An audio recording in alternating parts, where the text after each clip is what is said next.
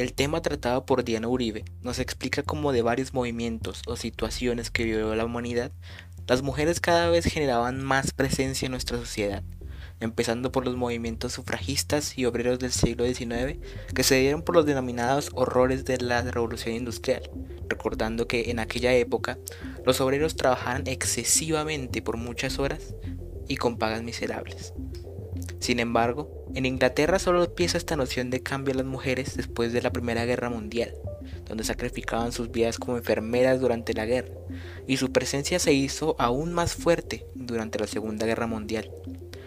donde, además de enfermeras, ahora debían ocupar los trabajos de los hombres, el llamado frente doméstico, y se dieron cuenta que sus capacidades eran iguales a las de ellos.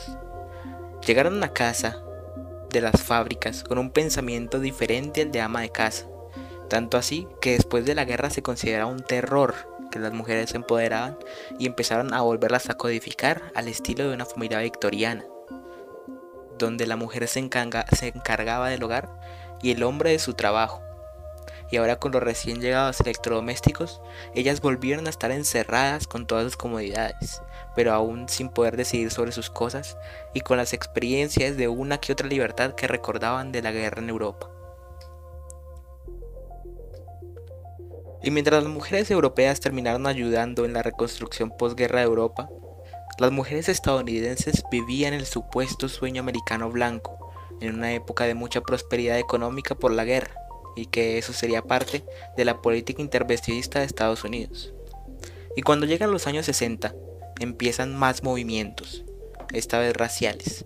Y después de que Martín Lutero expresara sus ideas, la gente empezó a preguntarse por qué los negros debían ser tratados como inferiores, por qué debían cederles el puesto a los blancos, por qué los asignaban a limitados barrios donde solo había gente negra. Y los negros empezaron a protestar poco a poco. El movimiento Brown, por ejemplo, consiguió que la primera niña negra pudiera asistir a un colegio para blancos, y eso supuso un cambio grande en cómo se llevaban las cosas. Porque por ejemplo los votos en Estados Unidos para la gente negra se basaban un test de alfabetismo. Pero si los negros no podían estudiar, no los dejaban votar. Y por ende no, podían defenderse. Y esto hace parte de la ironía del país americano. Se, proclama un país totalmente libre con igualdad en la ley. pero incluso hasta el día de hoy los negros son tratados más radicalmente ante, la policía y hasta la misma población. Como ejemplo de ello tenemos la muerte de George, Floyd el año pasado y todo lo que desencadenó después. Porque los abusos contra los negros dejaron de ser casos aislados empezaron a ser más generales, incluso llegando al movimiento Black Lives o las vidas negras importan. Y entonces cuando volvemos a los años 60, más específicamente en Estados Unidos, cuando asciende la presidencia Richard Nixon, todo llega a un punto más radical, según lo dice ella. Cada vez hay más oposición a la guerra con la popularización del hipismo, que tenía como ideas la paz, el amor, la compasión y sobre todo el respeto. Y la guerra de Vietnam, que iba de mal en peor, empezando en un declive por la guerra del TED, que llevaría a Estados Unidos a perder la guerra, y que como lo menciona la misma Diana Uribe, o sea que la guerra además de absurda, está perdiéndose. Y luego de este punto de recalidad, las mujeres empiezan a preguntar el por qué después de todos estos movimientos que se han hecho por sus derechos, por igualdades y por sus roles en cuestiones políticas y sociales, no ha pasado nada con su situación.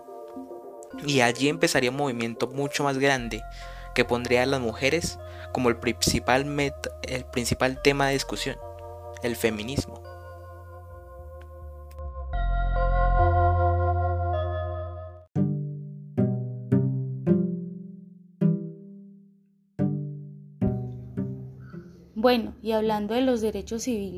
La primera ola del feminismo son las organizaciones feministas que se marchitaron durante la década de No fue hasta la década de cuando recuperaron el vigor del movimiento con el objetivo de controlar la natalidad. Y una de las fuentes de esta segunda ola del feminismo es la publicación en del ensayo de Simone el segundo sexo, y que en este trabajo la autora nos muestra cómo la sociedad construye el género femenino a partir del determinismo biológico y de cómo la mujer aparece en la imaginación masculina. llamada La Otra. El discurso feminista y existencialista de este trabajo tiene una gran influencia en las lectoras, quienes también se inspirarán en el movimiento anglosajón, Women's League, movimiento de liberación de las mujeres, para liderar sus batallas. Al iniciarse el siglo XX aparecen en el Reino Unido las sufragistas que son activistas por los derechos cívicos de las mujeres. Recordemos que el sufragio es el derecho político y constitucional para votar en los cargos públicos. El movimiento fue liderado por Emmeline y las numerosas autoras y activistas en mayor parte de los Estados Unidos y Reino Unido, que van a llevar al feminismo y al activismo especialmente a una vindicación de igualdad de derechos frente al Estado. Un gran ejemplo de los inicios de liberación de nuestra sexualidad es Margaret Sanger, que fue una enfermera que era una firme defensora de los métodos anticonceptivos de principios del siglo XX,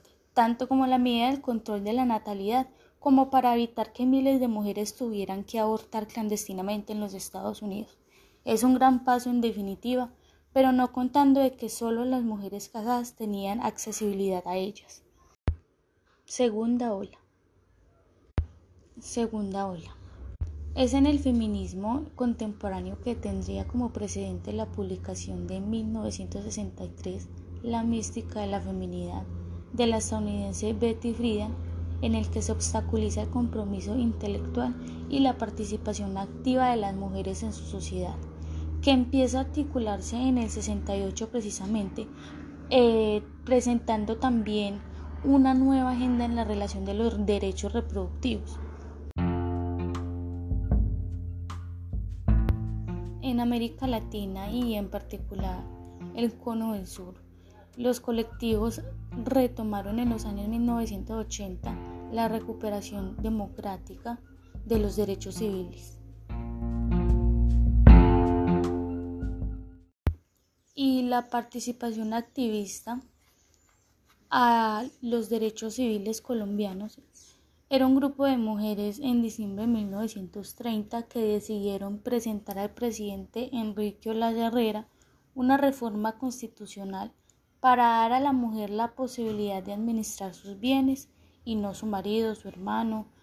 padre o tutor.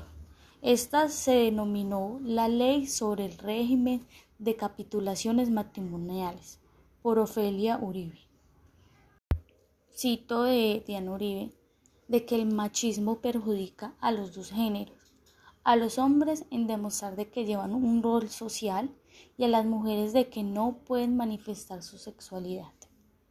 En la transformación intelectual sale la mirada del género, el papel de la mujer en la sociedad, que ha sido una microrevolución en los 70, y de los trasfondos por ser ciudadanas de la segunda clase en sus respectivas sociedades, ya que eran necesarias para su libertad económica, psicológica y social.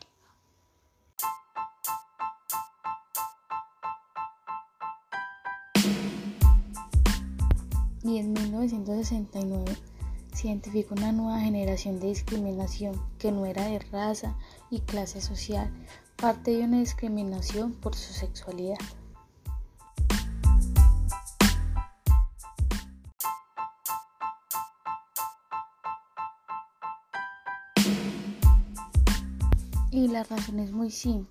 En un momento en que paulatinamente se va abriendo el paso en distintos países del mundo, la idea de que el sexo no se podía reducir simplemente al masculino femenino eh, causó conmoción.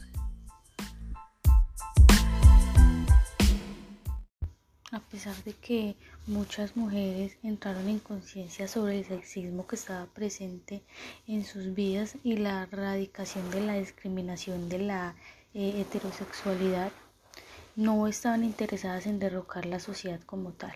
Realizaron cambios en sus vidas para hacer frente a sus necesidades individuales y situaciones sociales.